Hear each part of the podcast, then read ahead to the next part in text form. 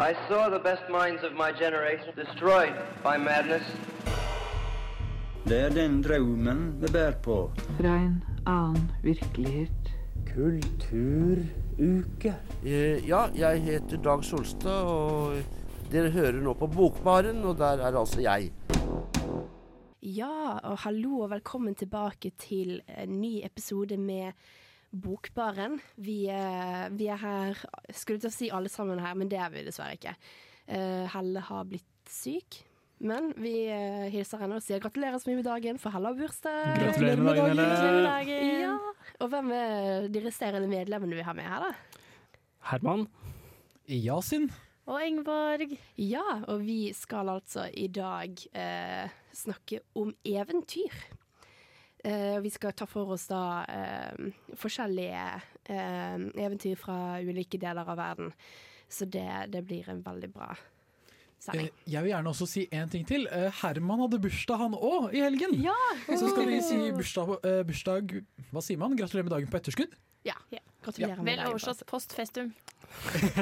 Tusen takk, alle sammen. Det setter jeg stor pris på. Mm, det blir veldig bra.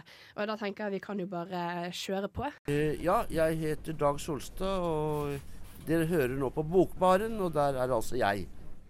Ja, det var en gang et, pro et radioprogram i Trondheim by som gikk på FM-nettet. Og i det radioprogrammet så var det fire eh, studenter som skulle prate om litteratur. Og som skulle prate om eventyr. Og de skal vi følge nå i løpet av de neste to timene. Eller hva, Herman? Det skal vi, vet du. Og vi starter eh, sendingen med en liten sjangerdefinisjon av eventyr. Eventyr kan egentlig defineres som oppdiktede fortellinger i magiske eller overnaturlige univers. Eventyrene starter gjerne i en realistisk eh, setting, som eksempel hjemme hos en familie, eller i et eh, ja, helt vanlige personer, men det utvikler seg ofte inn i det fantastiske, med overnaturlige hendelser og skikkelser og sånn, som deltar i handlingene. Eventyr kan eh, ofte klassifiseres innen to forskjellige hovedsjangre, og vi snakker ofte om folkeeventyr og kunsteventyr. Er det noen av dere som er kjent med noen kunsteventyr eller folkeeventyr? Jeg har hørt om folkeeventyr, men kunsteventyr er uh, nytt for Er det meg. Ja, altså hvis jeg skal på en måte skyte litt blindt, er det oppdikt, altså sånn eg, originale, egendiktede eventyr, type Watts Andersen? Ja, det, ja, det stemmer, eh, stemmer på en prikk, det. Så Da har jeg hørt om kunsteventyr. hva med deg, Yasin? Og eh, jeg ville bare ikke vise fram ignoransen min. Eh, jeg har ikke hørt om kunsteventyr, men nå vet jeg det. Folkeeventyr er jeg litt mer kjent med. Har mine favoritter der òg. Ja, så bare for å definere det klart, så er folkeeventyr eh, gjerne oppsamlede eventyr som har gått i arv gjennom generasjoner hos forskjellige folkegrupper, og finner det gjerne i forskjellige kulturer basert på samme gamle historier, mens kunsteventyrene ofte er egendiktede eventyr av en spesifikk forfatter, da. som eksempel H.C. Andersen, som vi skal snakke litt mer om senere. Det fins noen eh, sjangertrekk ved, ved eventyrene, som er en eh, litterær sjanger for seg selv. Eh, gjerne mangler eventyrene tid og sted. Vanskelig å tidfeste de og se når de er. Det kan være at de er ja, satt i det fjerne Østen eller eh, i eh, den norske fjellheimen, men tiden er ofte ganske vanskelig å definere.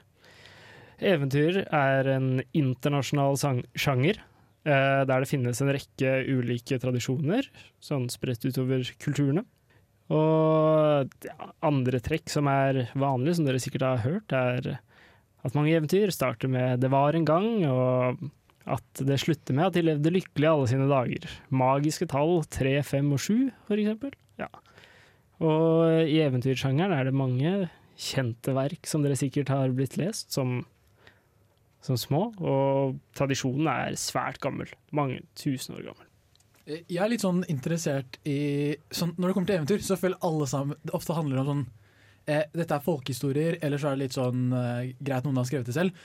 Men jeg føler de fleste historier, det er ikke så mange som har skrevet eventyr selv, hvis det er lov å si. Eller er det kanskje bare sånn et litt sånn feil inntrykk av meg? Jeg tror, altså, at det er lov å si, er det absolutt. Ja, um, ja, jeg føler litt på samme bølgelengde at veldig mange av de, de jeg er kjent med, er da bare samling av historier som har gått i arv muntlig. Men kanskje jeg bare ikke vet nok. Ja, for jeg, jeg, bare for å klarere, Yasin. Mente du på en måte at de her diktsamlingene, folkeeventyrene, altså Brødrene Grim, Asbjørnsen og Moe, eller tenkte du på liksom moderne forfattere som ikke skriver eventyr? Eh, mer sånn det jeg tenkte, som jeg tydeligvis eh, Jeg kan spesifisere litt. Jeg tenker, Inntrykket jeg har, i alle fall, er jo at de fleste kjente historier er jo folkefortellinger. Mens alle de som liksom er eh, Jeg vet ikke, men eh, at jeg ikke har så mye kjennskap til folk som har skrevet på egen hånd. Hvis det gir mening. Ja, det kan, eh, det kan ha litt å gjøre med at sånn de fleste, de fleste eventyr leses i eventyrsamlinger. Og når man er, ja, leser det jo kanskje mest som ung, og da legger man kanskje ikke merke til at det står en forfatter under eventyret. da. Og så er det kanskje det med at de her folkeeventyrene har en lengre tradisjon, fordi det har starta som en mest sannsynlig Eller ofte så er det sånn muntlig fortellertradisjon bak. Og når man da har en, i noen tilfeller mange tusen år med historie på eventyret, så jeg føler jeg at det er en større sannsynlighet for at det blir inkludert i en eller annen sånn antologi om eventyr, eller en eventyrsamling som vi leste når vi var små, enn for eksempel nå som jeg har lært at det heter kunsteventyr, skal jeg smykke meg med dette uttrykket. Um, men H.C. Andersen, der kjøper man kanskje mer enn et verk av H.C. Andersen, og så leser H.C. Andersen samlede. Han ville ikke dukka opp i en For jeg har med en bok i dag som er Brødrene Grims eventyrsamling, og der er jo alle eventyrene de har samla inn i den boka. Mm. Ja, og så er det bare verdt å nevne, tror jeg. Altså, barneboktradisjonen har jo blitt eh, veldig, veldig mye større eh, i vår eh, Eller sånn i de siste hundrer av uh, siste århundrene, liksom. Fra 1800-tallet og videre. Så vi har jo, men vi har jo masse sånn eventyraktige, fantastiske fortellinger som Peter Pan Mm. og Pippi, Astrid Lindgren sånn, altså, Vi snakka om vi skulle ha med Astrid Lindgren i den sendinga her litt tidligere. Så var vi sånn, Nei, men det er jo ikke eventyr. Det er jo mer barnebok. Eh, Ja. eh, Eller barnebøker. Men det har jo noen av de her fantastiske elementene som eventyr gjerne har. Men jeg kom på en ting med kanskje en av grunnene til at vi er mer kjent med folkeeventyr. Det er jo at eventyr også skal ha en sånn oppdragende effekt på leseren. Og det finner man kanskje den her moraliseringa og lærdommen finner man kanskje enda mer igjen i de gamle folkeeventyrene enn i kunsteventyrene, da. Ja, og det er jo Man kan jo på en måte diskutere om det er noe oppdragende i kunsteventyrene. H.C. Andersen uh, har jo vært litt inne på det er kanskje sånn Pike ved svovestikken heter det. Um, men jeg tror også noe som er veldig viktig med hvorfor vi har så kjent forhold til eh, folkeeventyrene, er hvilken rolle de hadde i nasjonsbyggingen av Norge. Ikke sant? Det- Dette her med den no, eh, en norsk identitet, at man på en måte har alle disse her forholdene til eh, folkeeventyrene, på en måte hvor utrolig urnorsk de kan være, med troll og liksom alt det der. Ja, og der har du også eh, billedkunsten som kommer inn i det hele. Med, eh, mange er sikkert kjent med Theodor Kittelsen sine eh, malerier av de ulike eventyrene, blant annet eh, Kvitebjørn, kong Valmon, som vi skal snakke om senere i sendinga, Nøkken, eh, Dovregubben.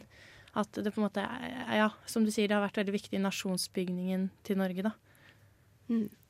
Ja, eventyrene er jo liksom sånn Ja, det er jo, vet ikke Går i ett med nasjonalromantikken og den nasjonalromantiske følelsen. Og til alle lyttere, hvis dere har lyst til å lese en litt lenger eh, ja, hva skal man si, kritikk av eh, denne nasjonsbyggingen, så er det bare å lese Per Gynt av Ibsen. Ja, og så er det en ting typ, eh, Hvis du kanskje ikke har så mye tid i hverdagen i alle fall, til å lese, så er jo eventyr midt i blinken.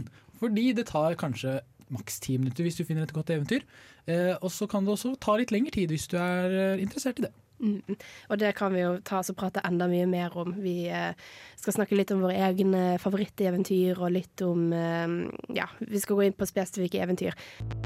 Jeg heter Erlend Nøttet, og du hører på Studentradioen i Trondheim. Ja, og du hører på oss prate om eventyr. Ja, vi koser oss veldig med det.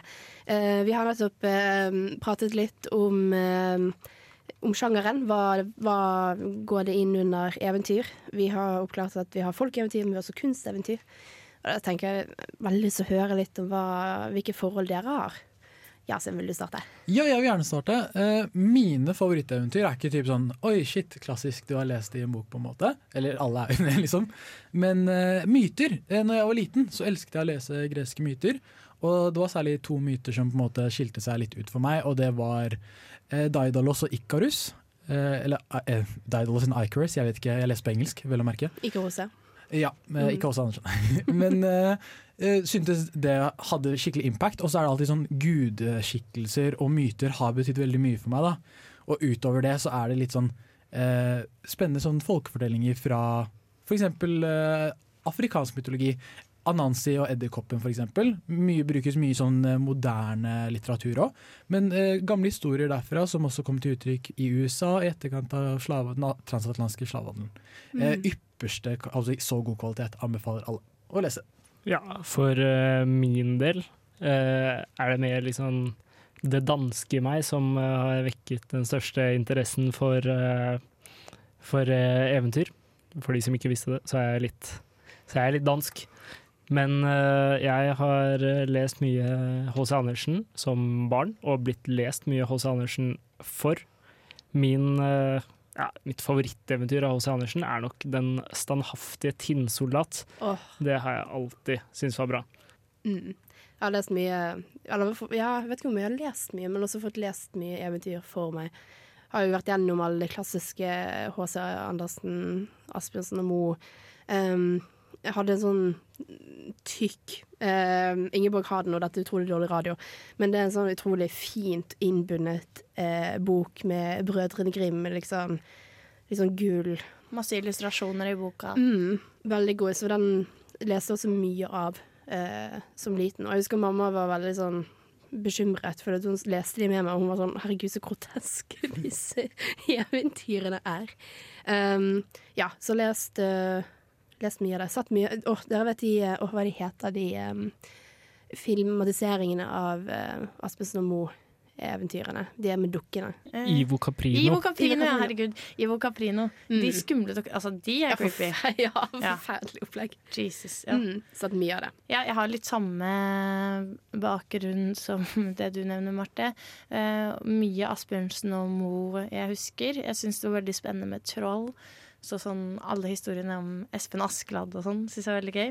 Eh, og så har jeg tatt med et av mine favoritteventyr som vi skal lese senere i dag. da, 'Kvitebjørn kong Valmon'. Oh, det er så bra. Og um, H.C. Andersen, der uh, er det også veldig, veldig mye bra.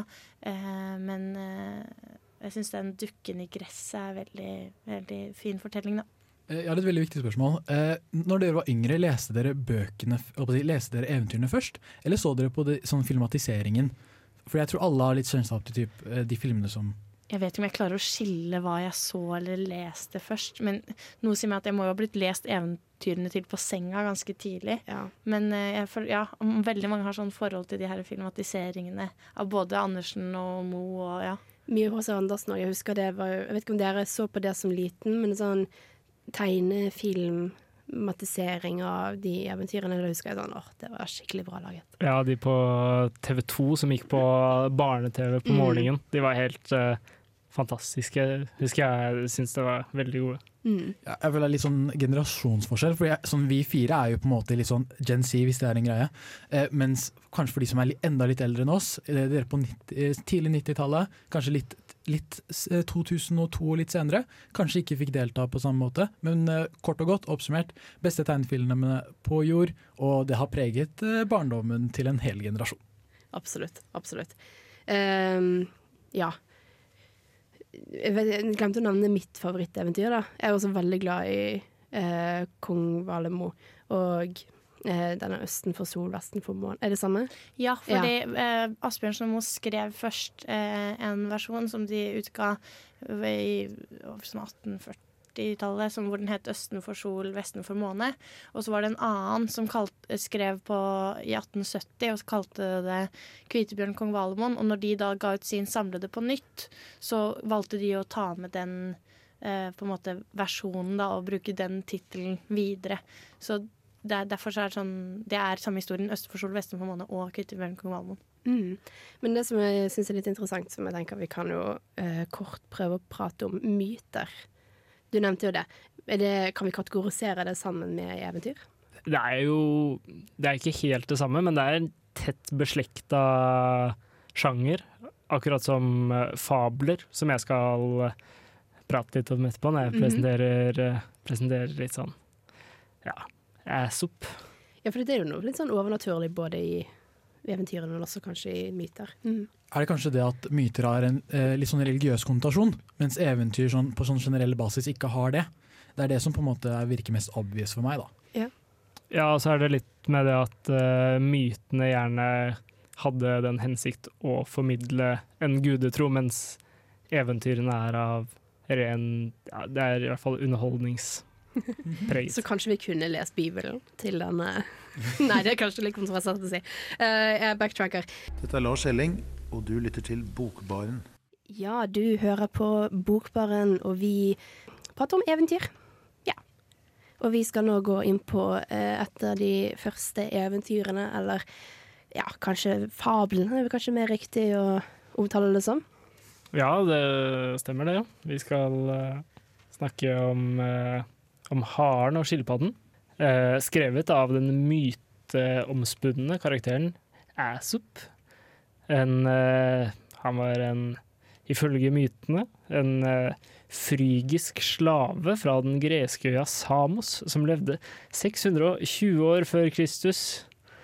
Ja, så, men han er en sånn oppdiktet karakter, sies det, på lik linje med Homer, som skal ha skrevet Odysseen og Iliaden, de store greske eposene. Haren og skilpadden er en fabel og ikke et eventyr. Og en fabel er veldig beslekta med eventyret, men er gjerne litt kortere og har en sånn moralsk, filosofisk handling. Er gjerne veldig kort, de er veldig gamle, og handler gjerne om dyr, da. I Haren og skilpadden så møter vi en, en hare og en skilpadde. Og haren utfordrer eh, skilpadden til å løpe om kapp, og skilpadden tar utfordringen på strak arm og sier at, eh, sier at eh, ja, han blir med på det uansett. Og all oddsen ligger jo i harens favør for at den skal vinne.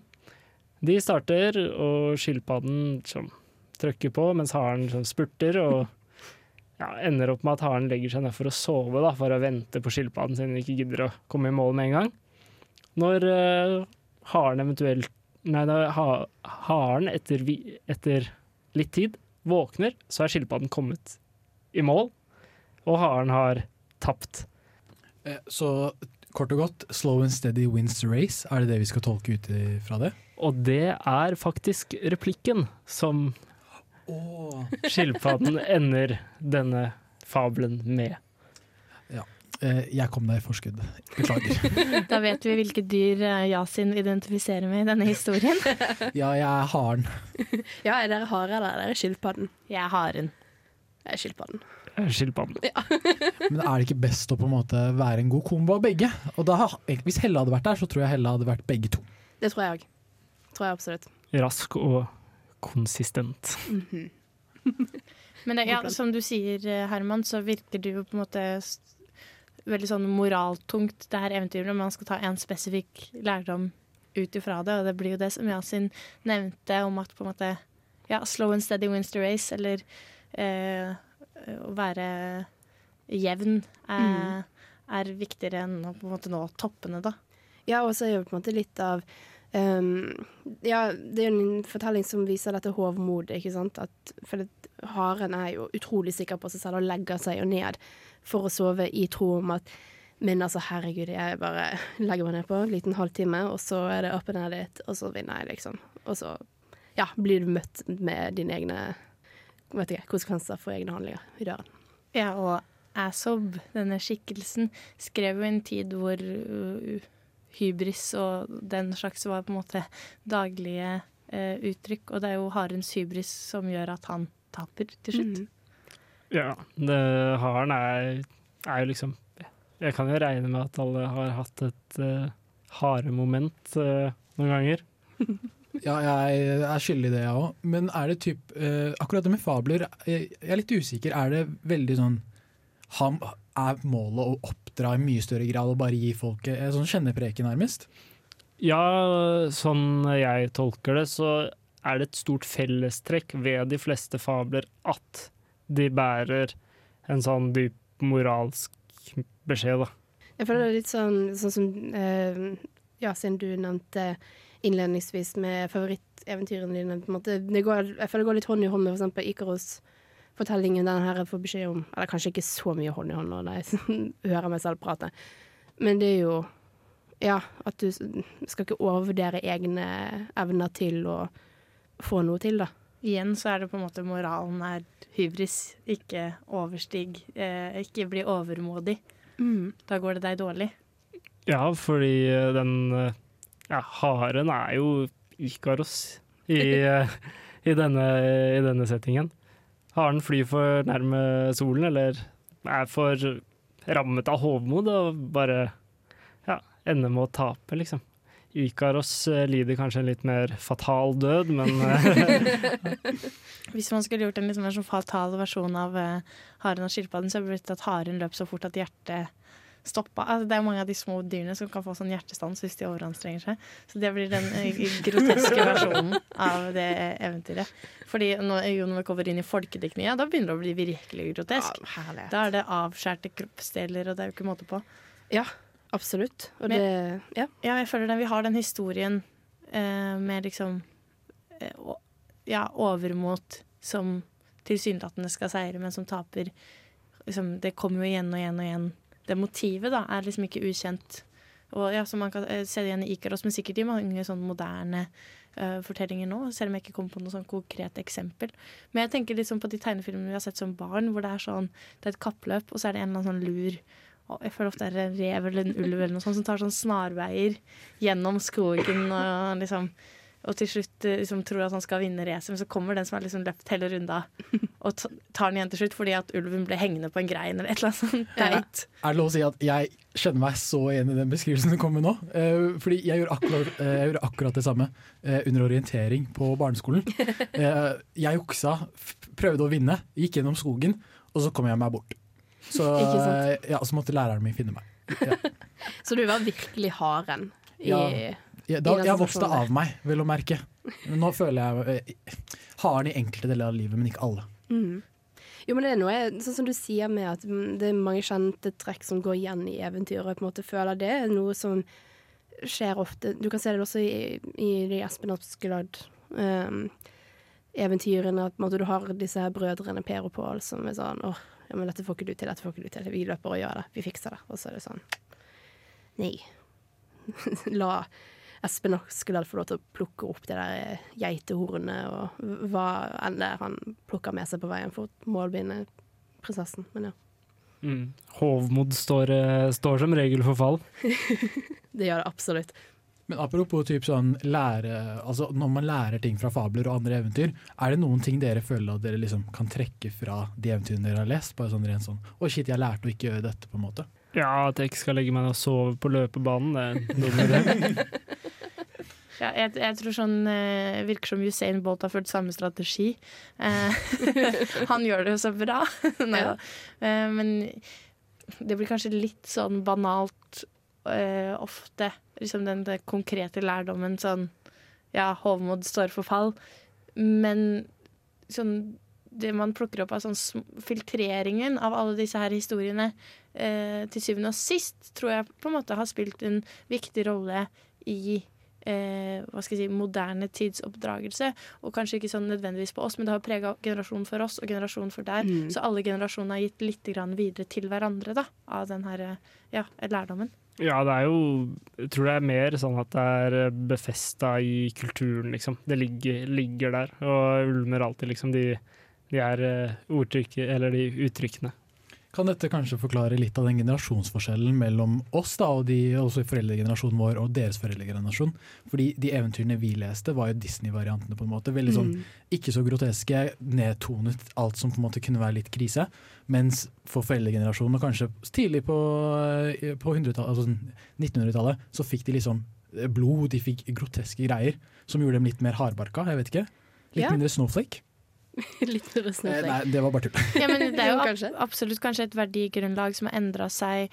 Man ser kanskje ikke så stor forskjell mellom oss og vår foreldregenerasjon, men særlig en eller to generasjoner tilbake, så er det på en måte et veldig endring i verdigrunnlag i, i sånn hverdagslige ting, føler jeg. Så det kan jo kanskje ha en eh, sammenheng med eventyrene. Mm. Håper noen skriver en eh, doktorgrad om eh, det. ja, det tror jeg absolutt var utrolig interessant å lese. Uh, hei, jeg heter Zishan Shakar. Du hører på Bokbarn på Radio Revolt. Og nå skal vi videre til å snakke om em, flere eventyr, og da skal Yasin få lov til å presentere hva vi skal prate om. Ja, vi skal prate om eventyrsamlingen eh, 1001 natt, eller mer spesifikt ett eventyr fra 1001 natt.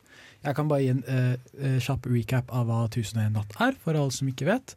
1001 natt er en samling av eventyr fra et område som strekker seg fra så å si Marokko eh, i Nord-Afrika til India eh, i Sørøst-Asia, eller ja, i Asia, opp til Russland. Så det er på en måte en hel, veldig stor region som har uh, hatt folkeeventyr som liksom har blitt samlet opp og har blitt skrevet ned uh, og fraktet til Europa og fraktet rundt om i verden. Uh, etter hvert, men i den eventyrsamlingen så finner vi veldig mange kule eventyr som Ali Baba og de 40 røverne, selv om den ble lagt til relativt nylig. Vi har Aladdin, vi har Sinbad osv. osv. Eh, men sånn settingen til eh, 1001 natt er at vi har en konge eh, på en øy som eh, har et litt sånn dårlig forhold til eh, kvinner, på en måte, det, eh, for å si det mildt. Så hver eneste natt eh, så er det en kvinne som eh, tilbringer natten med han, og så dreper han dem etterpå. Eh, inntil vi da får en som heter Sheherezad, Eh, som kommer eh, Som er datteren til en av ministerne hans, så å si. Eh, og så kommer hun og gjengir eh, fortellinger hun har, til ham hver eneste natt. Og så avslutter hun alltid, og så, enda, så kommer det noe mer spennende i morgen. Og så ender han opp med å ikke drepe henne, men eh, få barn sammen med henne. Og så, snipp, snapp, snute, så er de sammen, og hun blir dronningen hans. Så det er hele settingen, da. Men kort og godt, den, det eventyret jeg skal snakke om, selv om historien til 1001 natt er veldig veldig spennende, er Ali Baba og de 40 røverne. Eh, I Alibaba og de 40 røverne så møter vi Ali Baba. Eh, skal ikke gjengi hele handlingen, men Alibaba er en fattig vedhugger. Eh, og så En dag så oppdager han en hemmelighet eh, ved en tilfeldighet. Han oppdager en, eh, en hule. Eh, der eh, Eller han oppdager eh, først og fremst eh, folk som skal til en hule. Og så sier de de magiske ordene 'Open Sesame'. Eh, eller ja, ja. På norsk Sesam, lukk deg opp. Ja, jeg opererer med engelsk litteratur, dessverre. Eller jeg leser alt på engelsk. Eh, Beklager.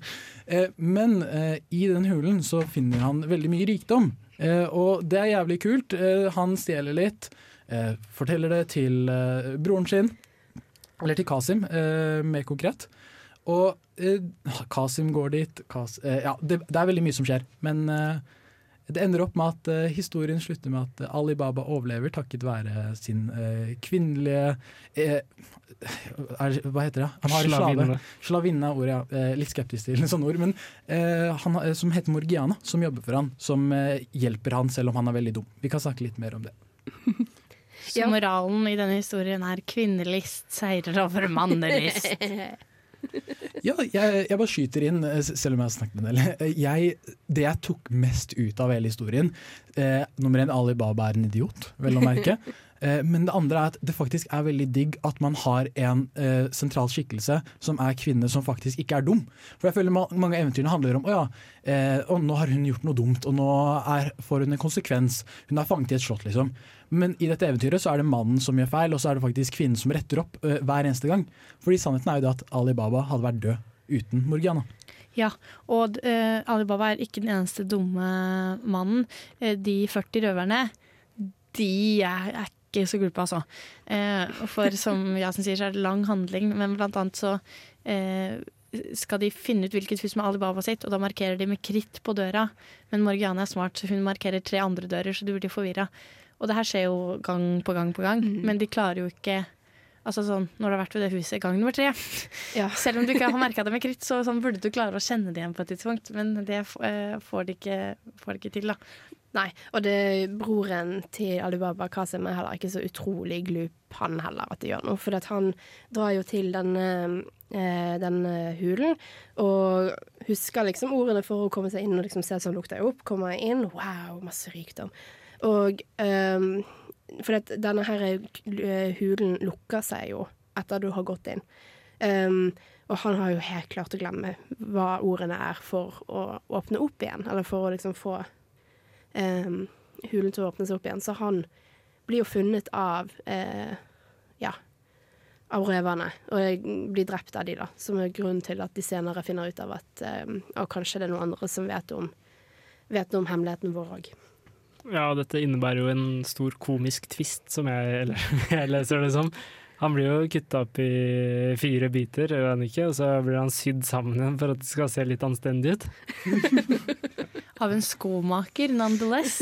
eh, og det som slo meg når jeg leste eventyret, var jo hvor grotesk det var. Og der tror jeg at det var eh, det en av dere var inne på litt tidligere, at vi har vokst opp med Disney-versjonen av alle disse eventyrene. Og da var det bare noen røvere som så litt skumle ut og gikk inn i en hule. Det var ingenting om at noen ble delt opp i fire biter og sydd sammen igjen med nål og tråd av en skomaker, altså. Eh, og så er det også at disse 40 røverne har klart å komme seg inn i Alibabas bakgård. Eh, det hadde vært bra navn på en restaurant. Eh, eh, og så eh, skjønner da denne Morgiane, den veldig smarte tjenestepika, at de gjemmer seg i salveskene. Og så heller hun kokende olje på 37 menn og dreper dem. Det er jo ikke akkurat det jeg vil kalle det for liksom barneeventyr. Men nå ble jo dette her angivelig fortalt til en Uh, veldig grotesk uh, og skummel Grotest, gammel konge. Ja. så kanskje det er derfor det har uh, Hva skal jeg si Ikke er PG-13-vennlig litteratur, kanskje akkurat, da. Nei. Ja, En ting jeg syns var veldig morsom, eh, selv om jeg, jeg, sier jo at Alibaba er en idiot, eh, sammen med broren, på en måte, men jeg husker ikke passordene mine, selv om jeg endrer på dem hele tida. Så hvis jeg hadde havnet der inne, så kan det godt hende at jeg hadde glemt det, jeg òg. Jeg mm. tror kanskje noen av dere også hadde gjort det.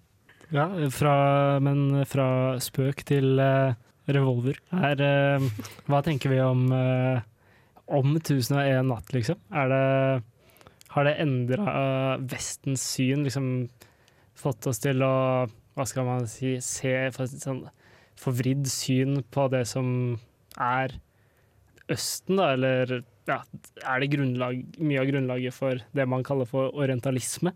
Oi, nå stiller du et veldig stort spørsmål. Jeg kan kjøre på eh, sånn i ren bar bakke, eh, men inntrykket jeg har fått, i alle fall, er jo typ sånn eh, Når du snakker med en person, og hva er inntrykket de har av Midtøsten, på en måte, så er jo alltid i den forstand Oi, shit, eh, store slott, eh, magiske tepper, på en måte, når de tenker på middelalderen. Eh, Midtøsten sin middelalder, på en måte. så jeg tror iallfall at det har preget synet til vår generasjon. Uh, men kan på en måte ikke si noe sånn større hvordan uh, det har ikke som samfunn eller noe. Ja. ja, for du kan jo på en måte sammenligne litt hvis man skal se på på en måte 1001 natt som en fremstilling av um, afrikansk, midtøstensk, på en måte asiatisk kultur. Så på en måte um, Det er jo på en måte like uh, Hva ordet er dette etter? Representativt som norske folkeeventyr er for norsk kultur i dag. Og jeg tror fordi vi ikke ser så mye representasjon fra de områdene i, i Vesten, og på en måte det er ikke så vanlig å lese litteratur for eksempel, da, fra de områdene, at man måtte få et litt forvritt bilde av hvordan det er. Jeg synes egentlig akkurat det med 'Tusen og en natt' synes jeg er veldig veldig kult. Fordi det er en av sånn, eh, ikke få, men typ eh, litterære verk som på en måte har faktisk hatt skikkelig stor innvirkning. Eh, selv om du på en måte bor i Norge, kanskje du bor på Svalbard i Longyearbyen liksom, og er seks år gammel, så vet du hvem Ali Baba er. Og det, det har faktisk ganske mye å si, eh, selv om man kanskje ikke er klar over det. Ja, eh, jeg tror også at det har en stor betydning at det har blitt kanonisert. Eh, og jeg kan på en måte ikke nok om Eh, kulturen fra ja, eh, middelalder og tilbake i uh, eh, tidligere tider også. Men det kan jo hende det representerer et slags verdigrunnlag, da, som er litt det samme som folk kanskje tar ut av våre folkeeventyr. Men eh, eksempel på allmennlitteratur, hvor jeg studerer, så er det kun vestlig kanon. Eh, der er det ingenting fra eh, Midtøsten, eh, Afri eh, Afrika eller noen andre eh, Ja, det blir Orienten. Det blir, sånn- altså, altfor eh, stort å eh, liksom, eh, kategorisere det, egentlig. Men jeg skulle gjerne ønske at man hadde litt input fra andre ting, og da tenker jeg at 'Tusen og en natt' eh, kunne vært en relevant eh, et relevant verk på pensum fordi det er så kjent, fordi det rett og slett er kanonisert. For det man går gjennom der, er jo kanon, rett og Mm. Jeg syns det er interessant det du sier med verdigrunnlag og hvordan folkeeventyr representerer det. Um, og sånn som vi snakket litt om måte, disse sterke kvinnelige skikkelsene som vi ser i, um, i Alibaba, men også uh, Tusen og en natt generelt. Du har ikke det på samme måte i den vestlige, vestlige folkeeventyrene. Jeg tror det på en måte, du kan ta det litt tilbake til kristendommens innvirkning på eh, verdigrunnlaget. For det, det er også noe man kan se at måtte, da kristendommen kom til Norge, så ble kvinnerollene veldig eh, mye mindre viktigere i samfunnet. Så det var interessant, det. Ja, så vi kan kanskje se på, se på 1001 natt og filmatiseringen av Aladdin og sånn som et springbrett for dypere interesse inn i østlig kultur. Ja. Og dette her kunne vi snakket med om i mange, mange timer, føles det ut som. Jeg heter Anne B. Ragde og er forfatter. Og når man er forfatter, så hører man selvsagt på Bokbarn så ofte man har anledning. Ja, selvfølgelig gjør du det, og da hører du på Bokbaren prate om eventyr. Eh, og vi har nettopp snakket om eh, 1001 natt, som er folkeeventyr fra eh, Midtøsten, afrikanske Det er et veldig stort område. Det er veldig vanskelig å Å kvantifisere. ja, eh, og det er utrolig spennende, men vi eh, tenker vi kan gå litt tilbake til kjente, kjentere trakter, kanskje? Hva tenker du, Ingeborg? Yes, vi skal over til eh, folkediktninga, og det som vi kanskje tenker på som den norske slash nordiske folkediktninga med Asbjørnsen og Moe, eh, som da reiste rundt til ulike deler av eh, landet og samla inn eventyr.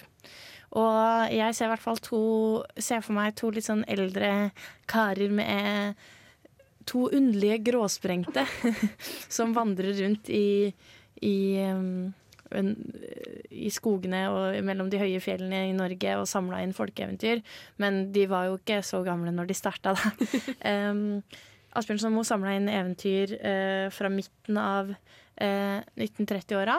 Og som jeg sa, så kom den derre eh, Hva skal jeg si eh, reviderte eh, Hvor de hadde gjort om Kvitebjørnkong... eh, Reviderte eventyrsamlinga. Hvor de hadde gjort om Kvite, og sol, vestenfor månen til Kvitebjørn Valemon i 1871. Um, og jeg tenkte jeg skulle snakke litt grann om eh, Kvitebjørn kong Valemon. Fordi det er um, det eventyret jeg har valgt, av Asbjørnsen og Moe, som jeg liker best. Eh, og som sagt så var det da eh, skrevet ned av det her er litt sånn vanskelig tysk navn. Så, eh, men det ble skrevet ned i 1870 av August Schneider. Um, og eh, Asbjørnsen og likte eventyret veldig godt og valgte å ha det med i, i sin eh, samling eh, i en slags revidert versjon, da, selv om de allerede hadde gitt det ut i 1844. Men Kvitebjørn kong Valemon det handler om en jente som drømmer om en eh, spesifikk gullkrans. Og en dag hun er ute og går i skogen, så får hun se en bjørn leke, en isbjørn, leke med denne gullkransen. Og hun har et sånn desperat ønske om å få den, og inngår da en avtale med denne isbjørnen om at hun skal få gullkransen mot at hun gifter seg med han og flytter eh, med han. Så hun reiser vekk fra familien. Familien er jo veldig eh, frustrert over det her, da. Og rir av gårde på ryggen hans eh, gjennom skogen. Og kommer da til et eh, flott slott hvor hun bor. Men premisset er at eh, hun får ikke lov til å se han om natten, så de sover i et helt mørkt rom. Og det her klarer hun i nesten syv år. Men moren hennes er veldig sånn, eh, pådriver for at hun skal eh, ta seg en lurkikk, da, og sender henne et talglys. Og en kveld så og, lyser hun med dette talglyset og ser at det ligger en vakker prins i sengen ved siden av henne. Men dessverre så drypper hun talg på han og vekker han, og han blir forferdelig sint og reiser vekk, da. For det viser seg at eh, grunnen til at denne bjørnen er i mannsskikkelse, er egentlig at det er en mann i bjørneskikkelse han har blitt uh, kasta en trolldom over av en ond heks. Og piken er veldig fortvila, og det ender rett og slett med at hun reiser til denne heksa. Og på veien dit så snakker hun med eh, forskjellige folk. Faktisk tre jenter. Og det hører med til historien at hun har født tre døtre som har blitt tatt fra henne.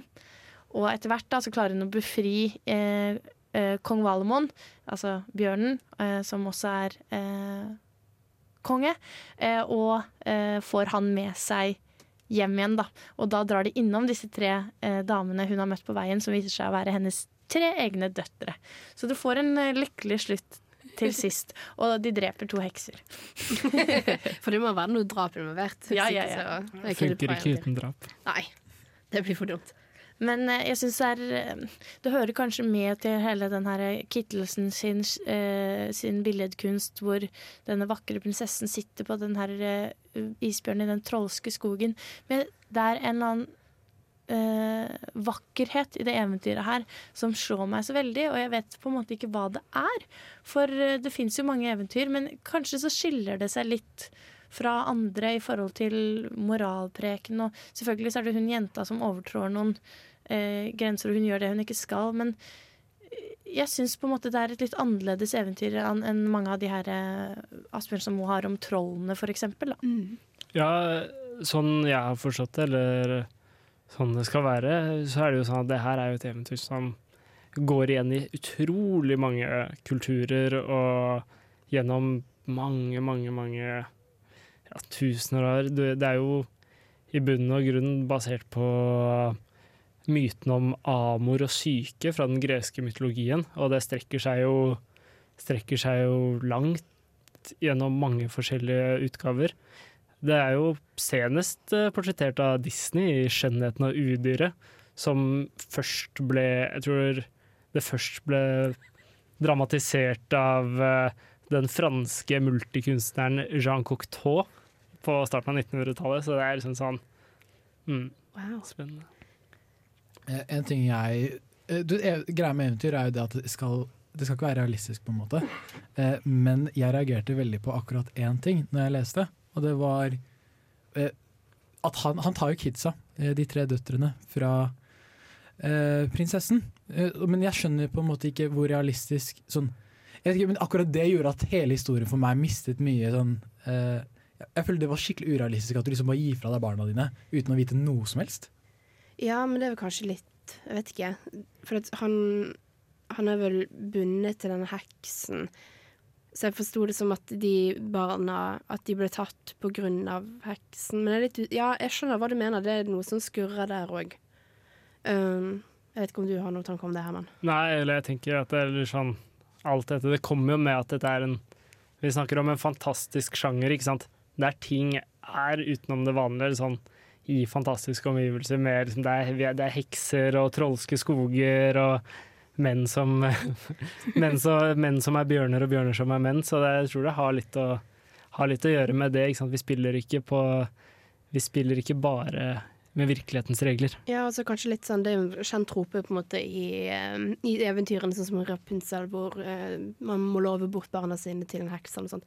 Jeg vet ikke om det er noe som kommer konkret igjen i Jeg husker ikke om det blir sagt noe om i eventyret, men det kan jo være noe der. Jeg husker ikke hva Nei, jeg er litt usikker på om eh, krever, altså om heksen krever at han ikke skal ha disse barnene. Men det hører jo med til myten at hvis ingen ser på han, altså på natten, på syv år, så vil denne trolldommen løftes.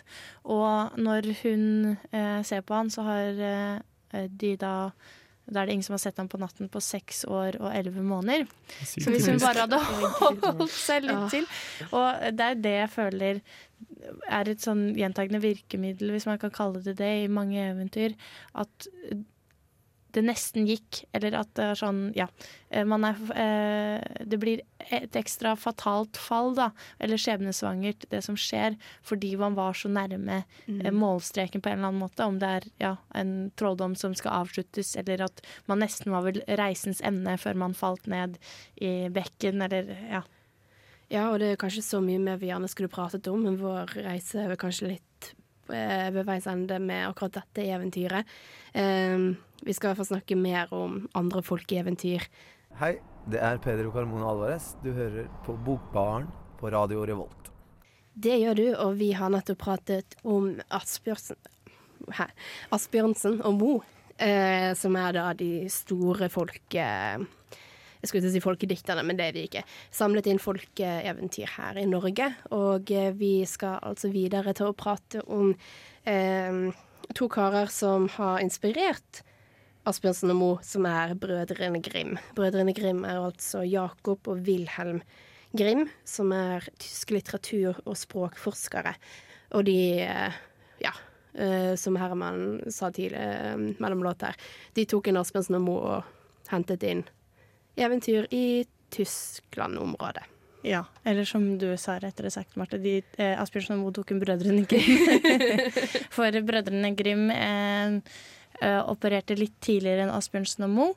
Eh, Asbjørnsen og Moe begynte å samle inn på 1830-tallet. og Brødrene Grim begynte på starten av 1800-tallet med sin eh, eventyrinnsamling. Um, og det eventyret vi har valgt, da, der er det jo mange å velge i. Mange av mine personlige favoritter kommer fra Brødrene Grim, men vi har valgt å snakke om Askepott. Fordi det er et eventyr som så mange kjenner, og også et eventyr som har blitt endra så mye opp gjennom eh, tradisjonen. For eh, det finnes veldig mange utgaver av Askepott, for den som ikke vet. Eh, den tidligste versjonen er kjent fra Kina eh, rundt år 860. Ja, eller den uh, veldig populære julefilmatiseringen uh, som er fra den sovjetiske. Åh. 'Tre nøtter til Askepott'. Askepott. Askepott. Ja, og når jeg dykka litt ned i Askepott-historien, så forstår jeg at eh, vi har ikke fått den samme versjonen som den Brødrene Grim gjengir, og heller ikke den samme som eh, andre fortellinger om Askepott gjengir. For det viser seg at motivet på en måte i Askepott, som kanskje er det best kjente, ikke sant? den her skoen, den endrer seg eh, fra historie til historie. I noen eh, versjoner av Askepott så er det ikke snakk om en sko i det, i det hele tatt. Da er det snakk om en ring eller et eh, kjede. Eh, og i eh, versjonen til Brødrene Grim så har hun ikke en glassko, men en gullsko. Og jeg husker ikke det her fra Disney-filmen, men eh, de har smurt trappen med tjære, sånn at Askepott ikke skal klare å løpe så fort vekk fra prinsen. Eh, Men den mest kjente versjonen av Askepott er skrevet av Charles Perrault, en fransk forfatter, i 1697. Og en grunn da, til at denne glasskoen ikke har blitt tatt med videre av alle sammen, er for at de ikke forsto hvor viktig eh, betydningen av glass var i Frankrike eh, på den tida. Så er det også en eh, norsk versjon av eventyret som kalles for Kari Trestakk. Har dere noe kjennskap til det? Nei. Nei. Nei, ikke jeg heller. Eh, og den mest kjente versjonen i dag er jo kanskje Disney. Selv om på en måte vi har vokst opp med Brødrene Grim, så er det jo på en måte udødeliggjort på film gjennom Disney-universet. Eh, men eh, ja, da spør jeg dere, hva syns dere var de stør den største forskjellen mellom Walt Disneys og Brødrene Grims versjon av Askepott? Jeg kan bare Jeg syns det var veldig grotesk, eh, på en måte. Jeg er fan av horror, men jeg følte det var litt sånn Det var ikke sånn Det var ikke morsomt, på en måte. Ja. Ja, nei, den er ganske hard. Um, jeg føler på en måte den uh, Hva er det norske ordet for abusiveness? Um, at den delen er mye tydeligere i uh, Grim, hvor forferdelig slem og ja, stemoren er. Og så slutten er jo den største forskjellen. Men i Brødrene Grim så lever jo faren nå. Han er jo bare helt utenforstående. Jeg, jeg mener at i Disney-versjonen at han ikke lever, men det er lenge siden jeg har sett ham. ja. Mm. Uh, og jeg var sånn Han godtar bare at dattera hans blir behandla som dritt. Helt sykt. Helt sykt. Ja, de er ikke så veldig, de er ikke så veldig greie. De er ikke så sympatiske og runde og morsomme som i, som i Disney, eller Ja. det gir jo litt mening. Jeg tviler på at mange foreldre hadde latt uh, kidsa sine se på uh, en, sånn, en, fra, en far som er til stede, men som lar datteren bli mishandlet. Ja. Føler dere vi kan dra noe moral fra eventyret om Askepotta? Er det noe lærdom vi skal innprente oss, som Det- Brødrene Grim har hatt som intensjon? Det er vel kanskje noe med Jeg tolker i hvert fall som godhet vinner. At uh, du får igjen for gode handlinger. En litt sånn karma-historie på mange måter. Ja, den som venter på noe godt, venter ikke forgjeves, er det ikke det man sier? Eh, Jeg må si meg veldig enig. Samtidig så er det noe sånn Det er litt deilig at de som var så eh, håper si, mishandlet Askepott, fikk igjen på slutten. Kanskje litt det samme som hos eh, Esob med eh, skilpadden og haren, at underdoggen eh, kommer opp på sidelinja til slutt og tar eh, ikke akkurat drepen, men eh, eh, gir motstanderne som fortjent. Bare for å nevne noe som skiller seg fra Disney-versjonen og den eh, TV-versjonen vi ser i jula, så skjærer stesøstrene av seg både hælene og den ene hælen og den ene tåa mm. for å få plass i skoen. Og eh, i bryllupet til Askepott så hakkes øynene deres ut av disse søte duene som hjelper Askepott i, med å få kjoler og plukke opp erter og sånn. Så de derre søte musene som de har blitt til i Walt Disney, eh, har blitt litt sånn skumlere i Brødrene Grim, da. Litt mer blodtørste, ja. Absolutt. Men det er noe jeg syns er veldig interessant med Askepott, som jeg tror jeg har snakket om før i Bokbaren, men som jeg vil ta opp igjen, er jo dette her med at eh, er det en feministisk fortelling, og jeg syns absolutt det er det. Det er jo en historie om typisk feminine trekk som til slutt vinner, og på en måte en, en seier at en at en person som, klarer, som har gått gjennom så mye forferdelige ting, fremdeles vokser opp til å være god og til å være omsorgsfull. Um, jeg syns det er en veldig fin historie. Ja, og i dag så er det jo en, en ny debatt rundt eh, eh, Askepott, er det ikke det? I forhold til eh, liksom framstillinga at hun er på en måte for skjør i de her Walt Disney-filmene. Altså, jeg ville sagt at hun er mye mer en sterk feministisk karakter i Brødrene Grims versjon av eh, Mm. eventyret enn hun er i Walt Disney. Der blir hun på en måte litt Ja. uh, Hun har, spiller ikke så mye rolle i å kontrollere sin egen skjebne, da. Der er det liksom musene og uh, alle, all trolldommen rundt henne som påvirker hennes uh, skjebne. Ja, jeg må si meg veldig enig. Jeg tror også på en måte det inntrykket jeg sitter igjen med, det er jo veldig tydelige kontraster i boken sammenlignet med eh, Disney. Når du ser på en måte, ok, man går fra sånn eh, to setninger ned, hun er hyggelig mot en person, og så blir hun eh, tvunget til å gjøre ting hun egentlig ikke burde bli tvunget til å gjøre. Eh, liksom Den kontrasten gjør, eh, gjør at man anerkjenner ah, eh, alt det Askepott har gjort, da, på en mye sånn mer Mhm. Jeg føler jeg har blitt litt sånn OK, shit, det her er jo faktisk noe vi må snakke mer om etter å ha lest Askepott igjen. Ja. Jeg vil gjerne poengtere at jeg tror det du sier med at det er stor forskjell på Brødrene Grim og eh, Disney, er jo kanskje en litt sånn fiendtliggjøring og nedsnakking av måte typisk feminine trekk. Av på en måte Ja, hun, hun kan jo på en måte argumentere for at hun er skjør, men jeg vil absolutt ikke si at hun er det, da. Men eh, dette kunne jeg sikkert hatt en hel episode om, og det har vi ikke tid til. Jeg heter Molly Øksnevad. Fuck Riksen. Og du hører på Bokbar. Ja, du hører på Bokbaren, og eh, nå har vi nettopp eh, pratet masse om eh, vakre folkeeventyr. Og da er det naturlig å gå videre til eh, den andre varianten vi har av eventyr som Herman introduserte, som er Kunsteventyr. ja. Og da er det greit å så gjerne prate om eh, den store, den kjente H.C. Andersen. Wow. ja, eh, så H.C. Andersen han ble født eh, 2. april i 1805 i Odense i Danmark, som er da um, denne halvøyen, eller den øyen som er mellom måtte, en København og type Århus og sånt. Jylland, takk. Jeg er ikke så god på eh, dansk geografi. Um, men han uh, har da skrevet rundt uh, 156 forskjellige eventyr eller historier som har blitt oversatt til mer enn eh, 125 språk. Så H.C. Andersen han er vidt kjent over hele verden. Veldig viktig del av den vestlige kanoen innenfor eh, eventyr. Mm. Så han skulle faktisk egentlig bli skredder. Det skulle han, men så eh, har han visstnok eh, fått høre fra en spåkone. De forutså at, at hodet skulle bli lyst opp i hans ære, eh, var noe Store norske leksikon fortalte meg. Um, og da sa moren at ok, greit, du kan få lov til å følge fantasiene videre til København. Prøve deg der. Så han fikk liksom dra til storbyen og utdanne seg og Mm.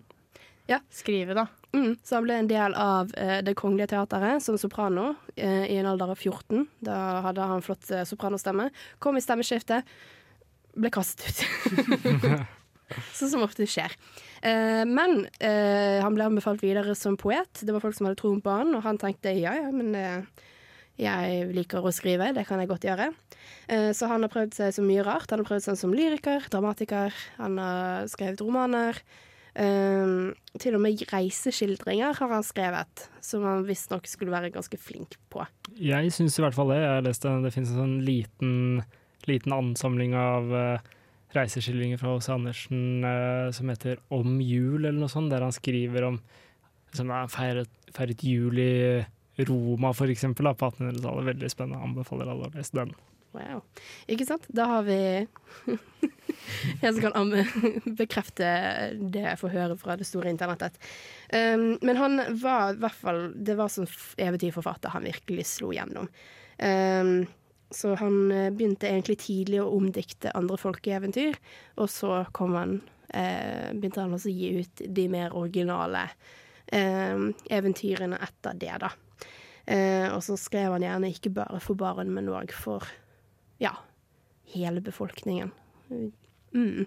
Og så kan vi jo på en måte Jeg skal gjerne nevne, og det hadde vært veldig greit hvis vi hadde Helle her, for jeg tror hun er veldig god på dette feltet. Men eh, det har altså vært mye spekulasjon rundt H.C. Andersens seksualitet. Og han har eh, skrevet flere brev til venner, blant annet en som heter Edward Collin, hvor han uttrykker veldig sterke følelser. Som eh, han selv skriver at eh, ligner de følelsene man ofte har overfor kvinner. Så det åpner mye, mye tolkning man kan gå inn der om det er noe på en måte skeivt i, um, i eventyret som han skrev. Um, ja. Og vi snakket jo om Askepott, som uh, har vært en del av uh, Disney sitt repertoar, og vi skal videre til en annen uh, som har blitt gjenfortalt av Disney, som da er Den lille havfrue. Eh, så Den lille havfrue da, det handler om eh, ja, en havfrue. Som er liten. Eh, For de som kanskje ikke vet hva en havfrue er, av en eller annen merkelig grunn. Det er da menneske på topp, fisk på bunn. Veldig sjarmerende bilde. Hva? Eh, Men hva skjer hvis det er motsatt vei? Fisk på topp og menneske på bunn. Hva er det da? Eller, jeg, jeg fikk bare den tanken. Jeg vet ikke om den er Jeg, vil- jeg vil ikke vite. okay. Det tror jeg kanskje jeg har sett representert i noe sånn kunstverk eller noe. At det er en sånn fisk som går med menneskeveien. Så det er eh, starten på sivilisasjonen, det. Det var en gang et menneske. Nettopp. Eh, og hun, eh, den lille havfrue, er da eh, datter av en havkonge. Og hun eh, på sin 15-årsdag får lov til å svømme opp og så på en måte se verden ovenfor måte, havet. Og så hun gjør det. Og på eh, avstand så får hun da øyekontakt, eller får ikke øyekontakt, men hun ser da en prins som hun forelsker seg i. Og hun er sånn Å, herlighet, jeg må jeg må bli kjent med han. Eh, og så kommer det da en storm som, hun, som denne båten blir tatt av, og hun redder da denne mannen, og, eller prinsen, får han i havn, og så eh, blir han da funnet av en annen kvinne. Eh, og prinsen får ikke sett henne, så han forelsker seg i den andre kvinnen.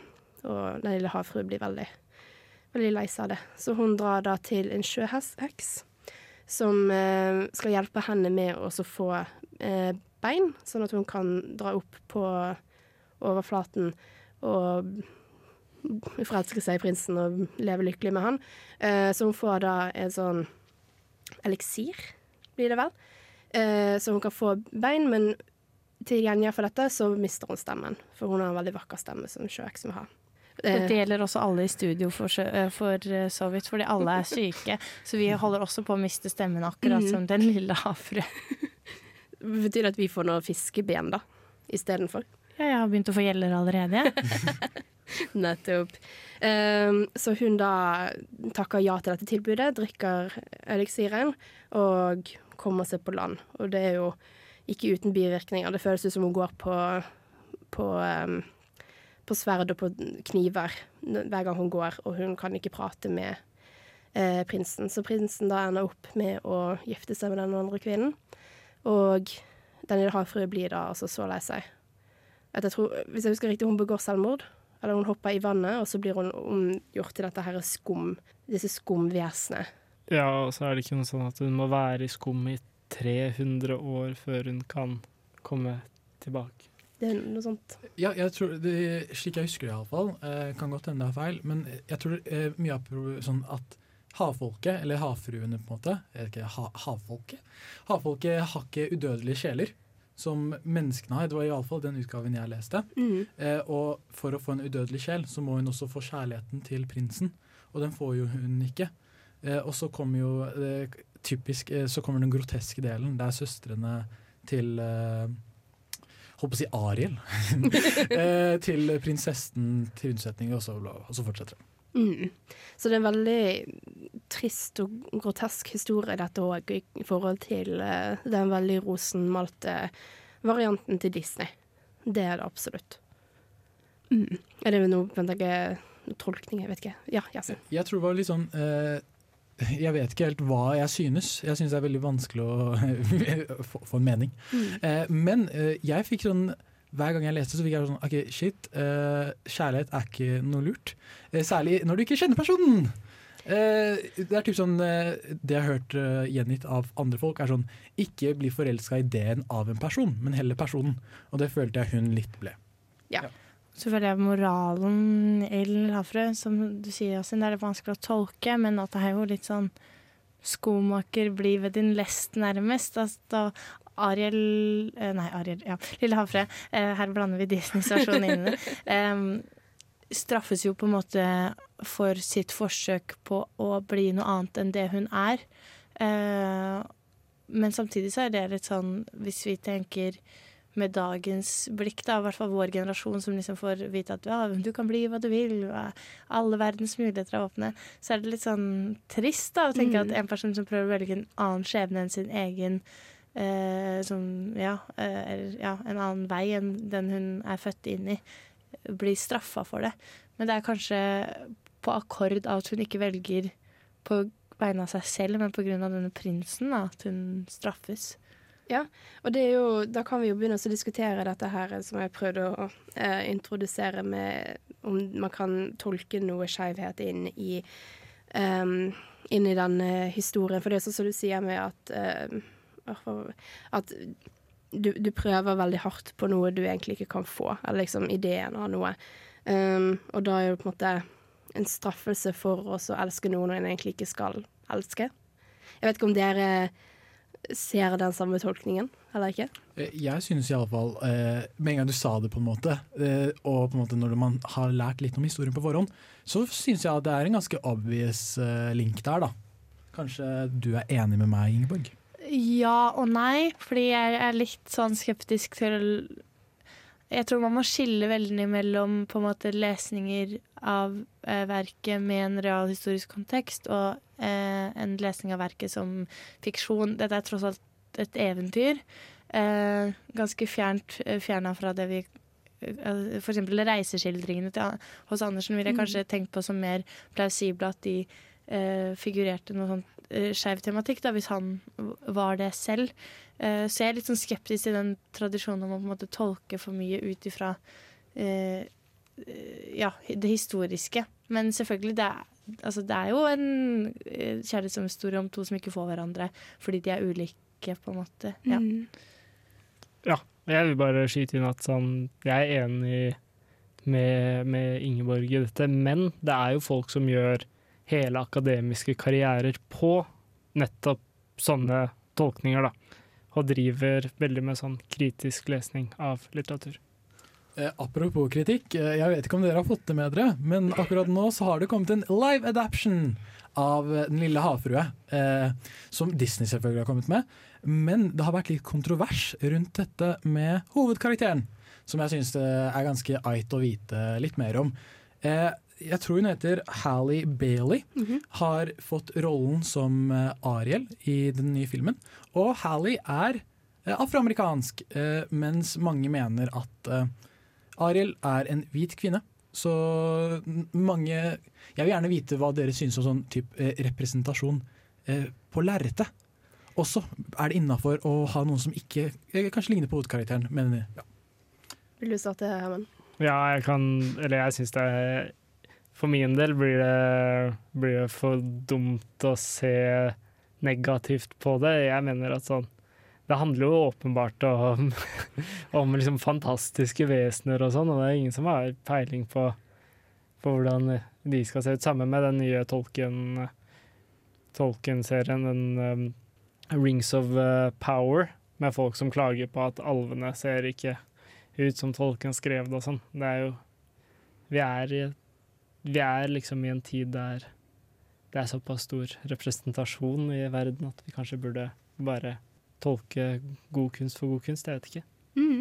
Jeg er veldig enig.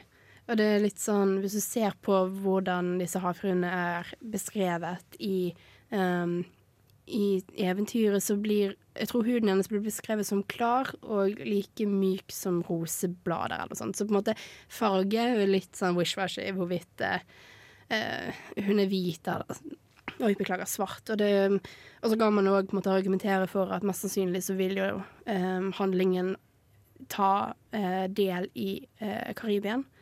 For det er snakk om slaver og den type ting, og det var noe som ikke var lovlig i Danmark på den tiden, men som var lovlig i danske kolonier i eh, Karibien. Så på en måte Og det er sånn som du sier. Jeg tror det betyr veldig mye mer for eh, små svarte jenter i USA å se noe som ligner på seg selv på lerretet, og mye viktigere enn at en eller annen idiot på internettet skal føle seg litt krenket.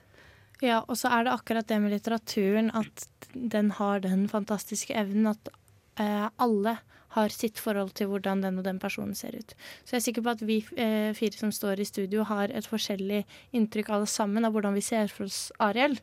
Eh, og når man kommer til filmmediet, da, som faktisk skal eh, vise en konkret versjon av den, så vil det bli feil på en eller annen måte uansett for hvem eh, som ser den. For noen mener at nei, men Ariel skulle jo vært sånn og sånn. Nei, hun skulle eh, vært eh, en asiatisk kvinne. Nei, hun skulle hatt eh, gult hår, ikke rødt. Eh, altså, og jeg tenker sånn, akkurat som dere, representasjon er bare positivt. Og H.C. Andersen levde i København i eh, noe jeg ser for meg må ha vært en ganske sånn ensfarvet tid, hvis man kan si det sånn. Mm. Så hva han har tenkt når han skrev, eh, vet vi jo ikke. Men jeg tenker alle har sin utgave av Ariel, og da er det mye viktigere at man har noe som kan skrive seg inn i vår historie og ha påvirkning til den eh, fortellingen videre, da. Jeg ser ikke noe problematisk med å ha en mørk Ariel. Mm. Det er en utrolig interessant debatt som vi gjerne kunne snakket enda mye mer om. Hei, det er Tove Nilsen som har skrevet roman fra Nedre Singsaker, Singsakerbakken, og som endelig nå får være i Trondheim igjen i Bokbarn. Og vi har kost oss masse sammen, vi, og pratet om, eh, om eventyr. Så da eh, ja, har vi noen lesetips utenom de eh, Ja, vi, vi anbefaler vel de historiene vi har fortalt om òg.